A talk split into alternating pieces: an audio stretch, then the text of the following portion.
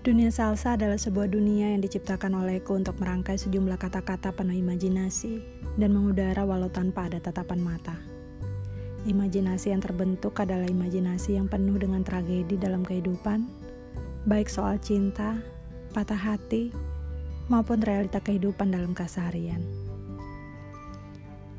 Aku bukan seorang terkenal, namun aku juga bukan seorang yang hanya ingin diam saja dalam kehidupan ini pendengar podcast di mana pun kalian berada. Selamat datang aku ucapkan dalam dunia salsa. Dunia yang tercipta karena adanya cinta, patah hati, keterpurukan, kasih sayang, rasa iba dan mungkin juga prihatin yang nantinya akan kalian temukan dalam setiap episode yang akan mengudara di hari-hari berikutnya.